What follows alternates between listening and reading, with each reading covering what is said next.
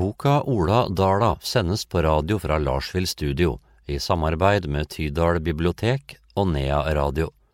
Produsent Lars Lien. Musikk Andreas Aase. Den historiske romanen blir lest av forfatteren Odd Håvard Morseth.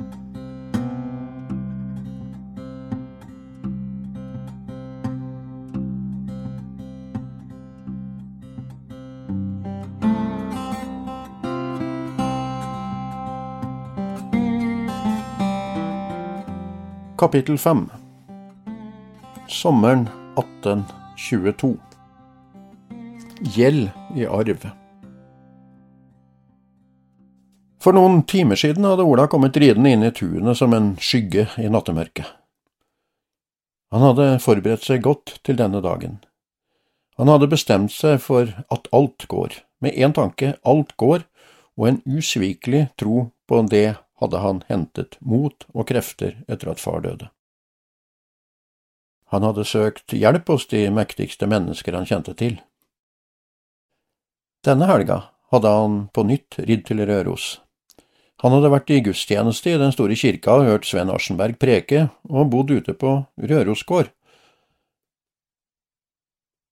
Bare noen uker etter at far var gravlagt, hadde Ola ridd til Røros og et første møte med Borchgrevink. Da hadde han lagt rideveien oppe i fjellene for å unngå råtne snøfonner og strie vårbekker. En fredag sent i mai red han opp foran arbeidsstua ved smelthytta og spurte om å få møte sjefen for Storvarts gruver. Til hytteskriverens undrende blikk ble han hilst velkommen av Borchgrevink og vist inn på hans kontor. Klokkergjerningen var noe den gamle bergstigeren hadde som fritidssyssel, sammen med driften av Rørosgård. Det var en mann som aldri var arbeidsledig, og derfor hadde meget tilmålt med tid. Utpå ettermiddagen red han bak Borchgrevink sin trille utover til Rørosgård. Der møtte han på nytt Johanna Bergman Holst, godseierdatteren som hadde giftet seg med bergstigeren og bosatt seg på Røros. For Ola ble det en underlig kveld. Han var gjest i huset og ble oppvartet av stuepiker. Som målbevisst 16-åring var han mer bestemt på å sette fram ærendet sitt enn å være pinlig berørt av antrekk og mangel på riktig omgangsform. Tiltaleformen i huset var likevel enkel med Leonard og Johanna, men for stuepikene pyntet på med herr og fru. De hadde lyttet til den enkle måten Ola hadde fortalt om hjemkallelsen fra skolen i Lillegården, mors død og at han nylig hadde gravlagt sin far. De hadde forstått at han nå hadde som mål å føre arven etter sine foreldre videre på Dala. Han ble invitert på middag. Etter det gode måltidet satte gårdsfolket seg ned sammen med Ola i dype stoler rundt et ovalt bord i biblioteket. Leonard leste høyt fra dokumentet han hadde hatt med. År 1822, januar den andre, tinglysning av Selbo og Tydals kirkebakker. Innfant jeg mig lensmann Joris Christian Nordby til like med de andre til denne forretning utnevne menn Ole Pedersen Aune og Henning Henningsen Stuedal på gården Stuedal, matrikkel nummer 849, beliggende i Tydals anneks til Selbo prestegjeld, for at holde registrering og vurdering efter avgangne gårdmannskone Anna Halvorsdatter Holm. Han så opp fra arket og bort på sin kone, leste raskt ned arket og sendte det over til Johanna. De leste begge deretter de resterende dokumentene i stillhet. Så, første skiftesamling og taksasjon er allerede funnet sted, dødsfallet er annonsert i Trondheims aviser og fogden tilskrivet om skylder til statskassen. Interessant, sa Leonard og så på nytt bort på sin kone. Her kan det være en hund begravet. Kjenner du til om din far har noe utestående eller noen større gjeldsposter? spurte Johanna. Ola ristet bare på hodet og strøk hendene mot bukselårene. Det var dette han var redd for. Det ukjente, som han ikke hadde oversikt over. En av pikene hadde kommet med kaffe. Lukten av velvære la seg utover i rommet. Ola fikk overlevert en porselenskopp stående på en skål så tynn at han nesten ikke turte å ta i den. Han var ikke ukjent med kaffe. Far hadde alltid med en pose med kaffe hjem fra reise, men noe kaffe hadde så visst ikke vært i husene på Tala det siste halvåret. Leonard samlet papirene og drakk sakte av kaffekoppen mens han snakket. Én ting vites allerede nå. Det kommer mer. Det vil komme en ny registrerings- og vurderingsforretning etter din fars ulykksalige bortgang. Den vil bli avholdt i Trondheim med det første. Dødsfallet er allerede annonsert i avisene. Jeg ser Hans Christian Wulf og Jakob Skive er oppnevnt som vitner til skiftesamlingen. Uh, ja, da vil det senere komme en oversikt over krav til boet og dets eiendeler. Deretter går det nok mot offentlig skifte og auksjonsforretning over samtlige eiendeler. Dette kan være meget alvorlige saker, unge mann. Bergstiger Borchgrevink var kjent for sine kunnskaper innenfor offentlig forvaltning og hadde grunnleggende ferdigheter innen forretningsførsel. Ola ble sittende med hendene i fanget og blikket festet nede i den halvtømte kaffekoppen. Dette var utenfor hans beskjedne forstand. De smale skuldrene og den magre kroppen oppi Gyldenlærstolen gjorde inntrykk på Johanna. Det var ikke lenge siden hun hadde losjert inn denne gutten for skolegang etter et ønske fra faren. Under skoletiden hadde han vært en riktig så oppvakt gutt, hadde skolestyrer Jens Finne fortalt henne. Hun ble sittende og se på, mens mannen hennes så vurderende ut i rommet. Johanna forsto at det var hun som måtte stille det mest nærliggende spørsmålet. Vil du bli bonde på dette angelske leilendingsbruket øverst i en nesten ubebodd fjelldal? Ola sank om mulig enda mer sammen oppi stolen og festet blikket mot bokryggene borte ved kortveggen. Han angret. Han skulle aldri ha kommet hit. Hva var det egentlig han hadde tenkt å få ut av denne turen over fjellet? Det her var i alle fall ikke deres ansvar. Her var han bare til bryderi. Johanna reiste seg stilte seg ved bordet og festet blikket på ham. Det er viktig at vi får vite det nå, uansett hva du velger. Så vil dette besegle din skjebne her i livet. Som den oppvakte unge mann du er, så vet du at du har flere muligheter i livet. Du har ikke fullført avgangsåret i middelskolen, men eksamenspapirene er ikke langt unna. Vi må få lov å spørre, er det en fattig leilending du vil bli i dette livet, uh, ettersom du kommer hit? Det var tydelig at hun ikke bare ventet et svar, men krevde et svar. Ola flyttet på seg stolen og strakte seg opp mot eh, stolryggen. Blikket flyttet seg mellom de to som han hadde søkt hjelp hos. Det var stille i rommet. Han hørte duren fra den flomstore Glomma. Han strøk seg med venstre hånda over ansiktet og kremtet forsiktig. Jeg har lovt mor og gjort avtale med far. Ola ble sittende med et fraværende blikk som sveipet over bokryggene. Kan du så fortelle oss hva denne avtalen går ut på? sa Johanna med en litt mildere stemme. Hun samlet kjolen og satte seg ned igjen. Han festet blikket på en brosje Johanna hadde samlet blusen med, oppi halsgropa. En svart byste av en kvinne på elfenbensfarget bakgrunn. En svart madonna. Var det et varsel? Hvem var hun egentlig? Han kjente ingen av dem. Han forsøkte å samle stemmen, gi den styrke. Anne er ti år gammel, Halvor er sju. Da mor lå med feber, lovte jeg å ta vare på dem til de ble konfirmert. Det var hennes eneste ønske, at jeg skulle være der for dem, slik at far kunne få frihet i arbeid eh, med å forsørge oss. Det var derfor jeg ikke kom tilbake til skolen i vinter. Han så igjen på brosjen. En hvit engel med korngult hår kom opp fra det ovale elfenbenskulet. En engel den svarte madonnaen ikke kunne fange. Og denne avtalen med din far?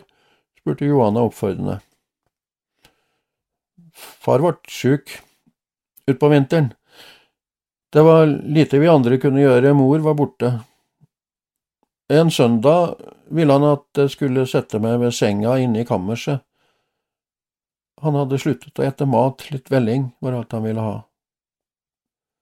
Det tok tid å formulere det han ville si, men han fortsatte å snakke etter å ha studert hendene sine en stund. Han sa noe slikt som det her. Nå er det du som blir neste bonden på Dala, Ola. Jeg vil du skal gjøre en avtale om det. Han strakte fram handa og gjorde avtalen, med Gud som vitne. Etterpå fortalte han om all mileveden som var klar for brenning inne ved Riasten, om planene for setring der, om mulighetene for å drive handel og transport nedover dalen, Johanna hadde på nytt reist seg. Han så fortvilt bort på dem, begge to. Far snakket aldri om noe offentlig skifte og utleggsforretning etter mor. Lensmannen var hos oss ved nyttår og registrerte hva vi hadde på gården, men far ville ikke ha noe snakk om det. Det var så mye å ta hånd om, og etter at mor døde, jeg forsto aldri alvoret, men nå, etter at far er død, er ansvaret mitt. Ola tok tak i armlenet og frigjorde seg fra stolryggen. Stemmen ville svikte igjen, ordene kom som forsiktige steg på tynn høstis. Jeg fant dokumentene, dokumentene fra sorenskriveren. Alt er bare håpløst. Det er så vanskelig å forstå, det går rykter om gjeld, gjeld som må dekkes inn. Det er ingen oversikt. Leonard lente seg fram i stolen og så på Ola. Eksakt. Nå er vi der. Det er det vi må vite. Hvor stor gjelden er, og det så snart som mulig. Har boinndekning, eventuelt hvor store summer kan det være som står udekket i boet. Det er ingen penger å finne i husene på Dala, bare noen få daler i far sin skinnpung. Ola var blank i øynene og, og så seg fortvilt om. Det virket som om Johan hadde mistet interessen for det hele. Hun sto borte ved vinduene og studerte gardinene. Men så snudde hun seg med et strengt blikk mot Ola. Du skal ikke føle deg bundet av avtalen du gjorde med din far. Du visste ikke hva du gikk til. Det vet du ikke nå heller før du har skaffet deg nødvendig oversikt over tilstanden i boet. Ola satte blikket i Johanna Bergman Holst. Om øynene nylig hadde vært aldri så blanke av fortvilelse, så så hun nå rett inn i et sterkt og trasig blikk som aldri kom til å vike for hennes. Pupillene var svarte. Jeg har lovt mor, og sverget til far. Stemmen var ubevegelig og sterk. Den gamle bergstigeren snudde seg mot sin kone, la hendene bak nakken og strekte på kroppen. Han ble sittende i stolen og så ut i luften. Her er det visst bare én vei frem. Det ble til at Leonard ganske enkelt sa at han skulle se på dette og følge det opp. Hva nå det kunne bety, visste ikke Ola. Der han la seg for kvelden i et sovekammer oppe i andre etasje på Røros gård. Før han red hjemover neste dag, fikk han beskjed om å komme tilbake mot slutten av juni måned.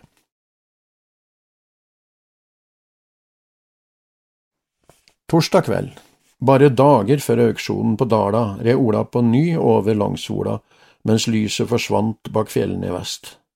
Det var gode ridestier og etter hvert kjerreveier innover mot Røros. Fra Snaufjellet, lenger sør på Vola, hadde han utsikt over Ridalen, med vannspeilet på rien mellom skogkledte, lave høyder. Lenger ute lå Usjuden, bak der igjen de nakne fjellryggene innover mot Femundmarka. Ola red i lett trav utover Ridalen og inn i skumringen. Han var godt kjent i dette landskapet. I god tid før han møtte bosetningen på Myrmoen og i Brekkebygda, salte han av hesten satte hopphyller på frambeina og lot hesten beite fritt i sommernatta. Sjøl hadde han planer for nattelosji i løe som var skrapt tom for høy. Saltaska hadde ikke all verden av fristelser, men en brødskalp kom godt med. Borte på stokken i løåpningen satte Ola seg ned med slirekniven og skrapte smør ut av en neverkopp. Myggen danset i løse lufta ute i den mørke nattedisen, inspirert av både hest og kar. Det var som om den store, summende svermen forsøkte å jage dem bort fra den ulovlige natterasten midt i slåttemarka. Blakken slo og viftet med halen og stampet med beina, til og med hestepelsen vibrerte, men myggen var ikke særlig lettskremt.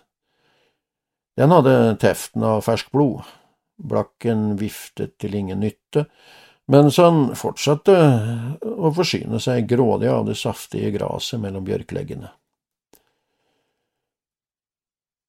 Før bøndene hadde fått sko på beina, kom Ola ridende i lett trav nedover liene mot Aursund. Én kar fikk likevel med seg synet av en enslig rytter langs strendene ved Aursund i den tidlige solrenningen. Det er der, vest ved Aursund, i Glåmosen, at Glomma har sitt utspring, hadde skolelærer Finne sagt og pekt på et kart på veggen. Deretter hadde de fått høre historien om Norges lengste og største elv, som til slutt klarte å samle opp det aller meste av vannet som rant ned fra fjellene sør for Dovre.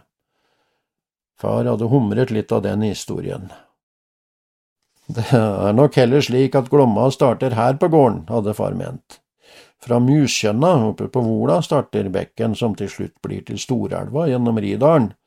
Du vet vel hvor Storelva renner ut? Jo da, Ola hadde fått med seg det. Han hadde sett elva som gravde seg ned i grusryggen og snodd seg fram mot utløpet i Aursund. Han nådde fram til Rørosgård til kvelds. Både hest og rytter fikk mat og losji. Ola gikk til sengs etter noens i en brisk ute i sommerstua. Nedenfor husveggen rant Glomma stille og sterk forbi i kveldsmørket. Snart skulle en fange opp Hitterelva og ta den med seg på ryggen hele turen nedover Østerdalen og videre mot Nordsjøen. Det var sikkert like greit, for Hitterelva hadde nok brukt opp alle kreftene sine på skovlhjulene tyskerne hadde konstruert. Elva ble sendt i store renner utover skovlene, hjulene knirket og gikk, løftet og senket de store blåsebelgene, dag og natt. Ola fantaserte seg gjennom sommernatta, om bekken som ble til elv, om krefter som intet menneske kunne temme, om hvordan dagene kunne ha vært om mor og far hadde klart å beholdt alle kreftene. Det var langt etter søvnen. Det var kaos av sorg og savn som kom og gikk som en uro. Han kjempet imot, kjempet mot frykten. Han var bevisst på at det var nå eller aldri. Han hadde krefter på lager, krefter han visste ville vokse om han fikk bruke dem på ei framtid på Dala. Lørdag morgen møtte han på nytt presten Aschenberg og klokker Borchgrevink. Det var Johanna som tok imot ham inne i stua og viste plass i den samme gylne stolen inne i biblioteket. Han satt ikke like stiv og ukomfortabel lenger, men blikket var flakkende og urolig.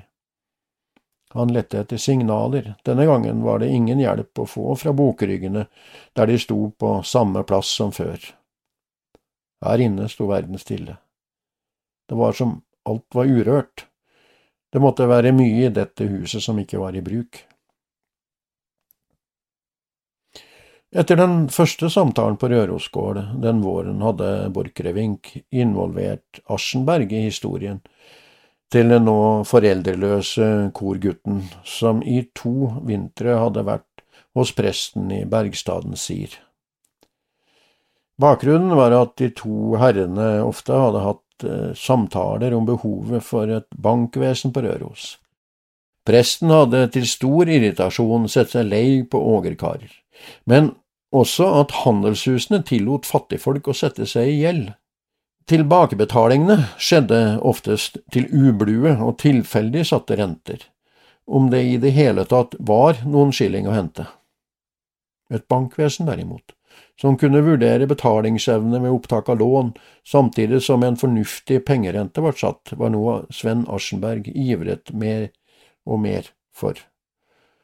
Han hadde flere ganger oppfordret Johanna Leonard til å være med på å stifte en innskyterbank med lokal bankbestyrelse. Presten måtte stadig gi trøst og nytt håp med Guds velsignelse til fedre og mødre, enker og foreldreløse, som ikke klarte å berge hus og hjem fra kreditorene. Pantebrevene ble effektuert med hård hånd. Ingen kunne mene noe annet enn at gjelden var inngått helt frivillig og lovlig, uansett om det var foreldre i nød som hadde forsøkt å redde sine barn fra å sulte til døde. Handelshusene i Trondheim eide stadig flere gårdsbruk. De var i særdeles ute etter skogene. Huslyden fikk som oftest fortsette med gårdsbruket, men nå med bykselseddel til markeieren og årlige krav om jordleie. Husene på gårdene eide de ikke lenger, men kravet om godt vedlikehold ble strengt formidlet og nedfelt i bykselseddelen. Skogen kunne de bare benytte til brenneved og vedlikehold av husene på gården. Sagbrukene ved elvemunningene nede ved Trondheimsfjorden ga godt utbytte for godseierne, nå som den kystnære skogen på Østlandet var uthogget. Skogeierne, sagbrukseierne, trelasthandlerne hadde tilhold i Trondheim, og var ofte av samme familie som de som drev handelshusene. Seilskutene som fraktet trelasten ut fjorden, var også eid av de samme familier. Oppveksten på havna i Molde hadde gitt Aschenberg gode kunnskaper om hvordan pengene løselig skiftet eier gjennom handel og transport. I det store hele var presten forarget over tradisjonene med å stifte løsgjeld. Det så for ham ut som bønder og bruksarbeidere, ja, nær sagt alle, hadde løsgjeld til hverandre. En helt umulig tilstand er i ferd med å bygge seg opp, der ingen vet hvem som skylder hva til hvem. Summen av gjeld og krav er det ingen som holder orden i. Presten var tydelig i ordbruken da han påpekte dette overfor Ola. Din far var så visst intet unntak fra dette uvesenet. Det er betydelige summer som står ute hos kreditorer, mens det er stor manko på debitorer til å holde balanse i regnskapet.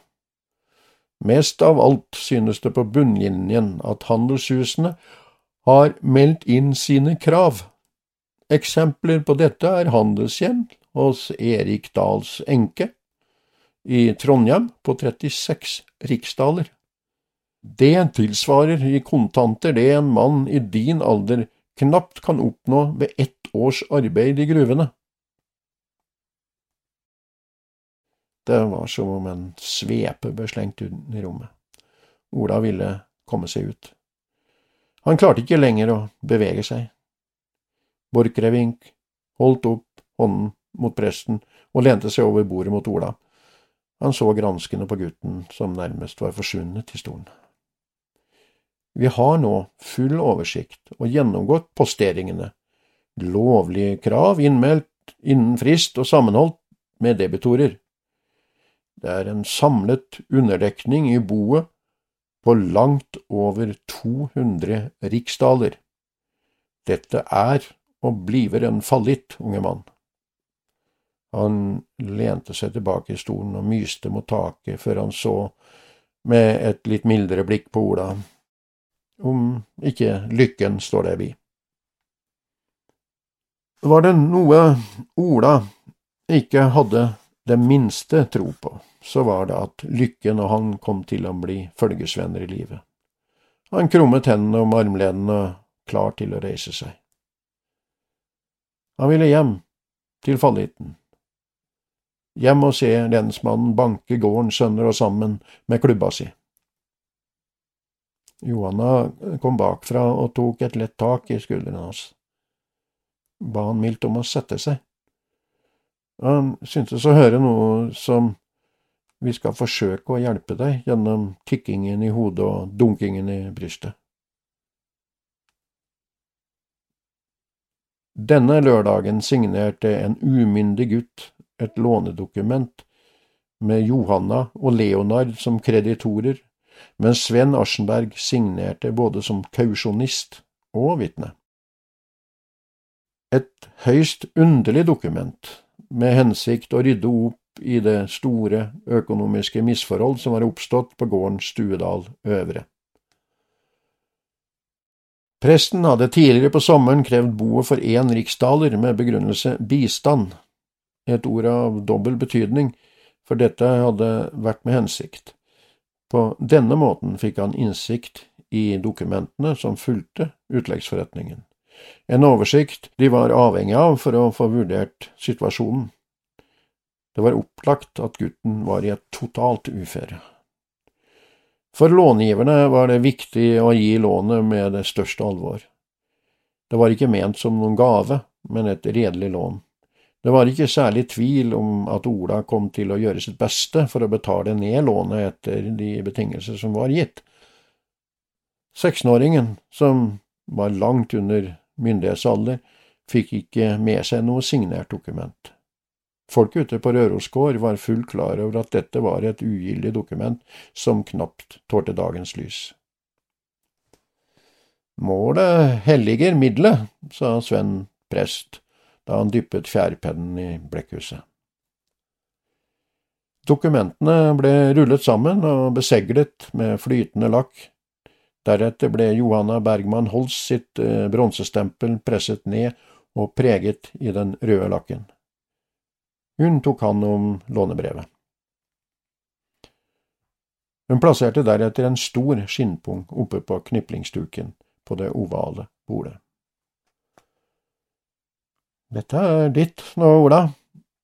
Måtte du forvalte verdiene dine og din egen framtid med største omhu. Presten kremte til borti stolen. Det var ikke mye han hadde sagt etter at han hadde gjennomført sin tordentale. Han løftet armene og dro hendene gjennom det gråsprengte, lange håret. Den røde hodebunnen lyste gjennom midtskillen da han lente seg fram og fanget blikket til Ola gjennom buskete øyenbryn.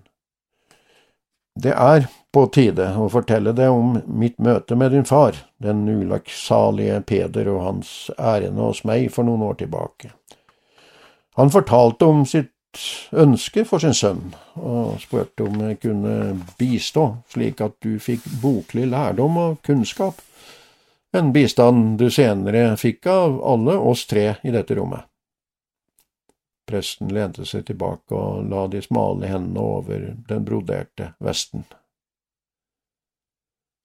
Etter å ha kjøpt postillen, holdt han den i hendene og kom med begrunnelsen for ønsket om din skolegang på Røros. Hans store mål var at du skulle studere teologi, unge mann, intet mindre. Presten så bort på Johanna før han fortsatte henvendt til gutten i Gyldenlærstolen. Salig Peder Olsen sitt ønske ser nå ut til å være beseglet med dette dokumentet, noe jeg bare kan beklage. Men husk å legge deg det på minnet at det aldri vil være for sent å finne tilbake til bøkene.